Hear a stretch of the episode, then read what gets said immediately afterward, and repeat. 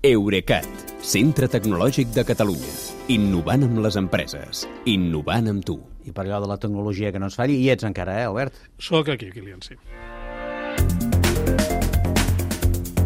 Doncs continuem això, parlant de mascaretes, perquè a l'interior, ja ho sabeu, no ens les podem treure encara. Per això està bé saber que els iPhones aviat et reconeixeran encara que portis la mascareta posada. Eh? Han calgut eh, dos anys de pandèmia, aquests dos anys que deia el Gerard, eh, però Apple incorporarà amb l'actualització 15.4 del sistema operatiu iOS dels iPhones una possibilitat molt esperada, que és la de tornar a entrenar el reconeixement facial Face ID dels models d'iPhone més recents, Sí. perquè et reconeguin amb la mascareta posada i puguis desblocar l'aparell i també pagar amb Apple Pay sense, sense desprotegir-te ni un segon del bitxo, ni haver de teclejar el codi PIN a la pantalla, ni d'haver de portar posat un rellotge Apple Watch. Aquest eh, futur iOS eh, 15.4, que de fet ja està circulant en una versió preliminar, també permetrà carregar directament a l'aplicació Wallet d'Apple el certificat Covid europeu, una operació que ara es pot fer però que t'obliga a fer unes, algunes conversions externes, una mica de malabarismes. Doncs a partir d'ara, els usuaris d'iPhone aquestes se les podran estalviar.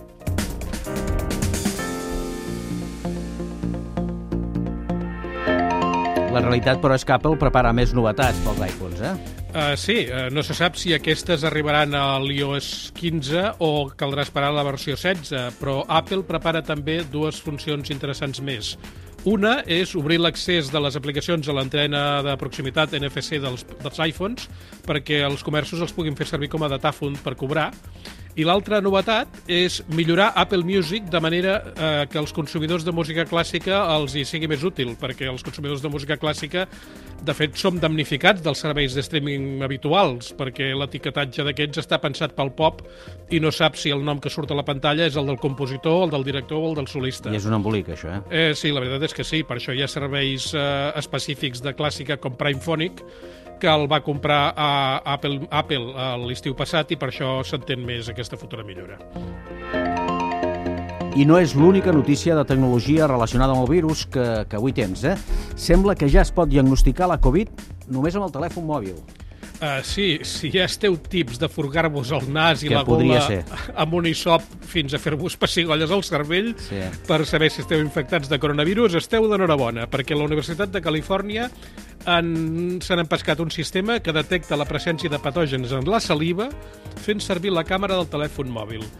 Uh, tot això es basa en una tècnica que en diuen LAMP, que són les sigles angleses d'amplificació isotèrmica mediada per bucle, Sí. i que consisteix en agafar una mostra de saliva, abocar-hi unes gotes d'un reactiu que amplifica l'ARN viral i mesurar-ho tot amb l'aplicació BactiCount, mesurar l'estona que triga aquest cultiu a il·luminar-se amb un color vermell fluorescent.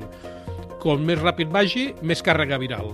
Mm -hmm. Aquests investigadors diuen que té la mateixa fiabilitat que una prova PCR i que l'equip necessari costa menys de 100 euros, més uns 6 euros més per cada dosi de reactiu. Ara com ara, només funciona amb un tipus de, de telèfon de Samsung, el Galaxy S9, per qüestions de calibració de la càmera, però es, es veu que es podria ampliar a d'altres models.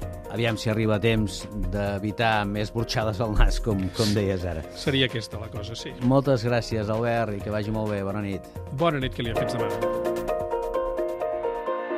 Eurecat, centre tecnològic de Catalunya. Innovant amb les empreses. Innovant amb tu.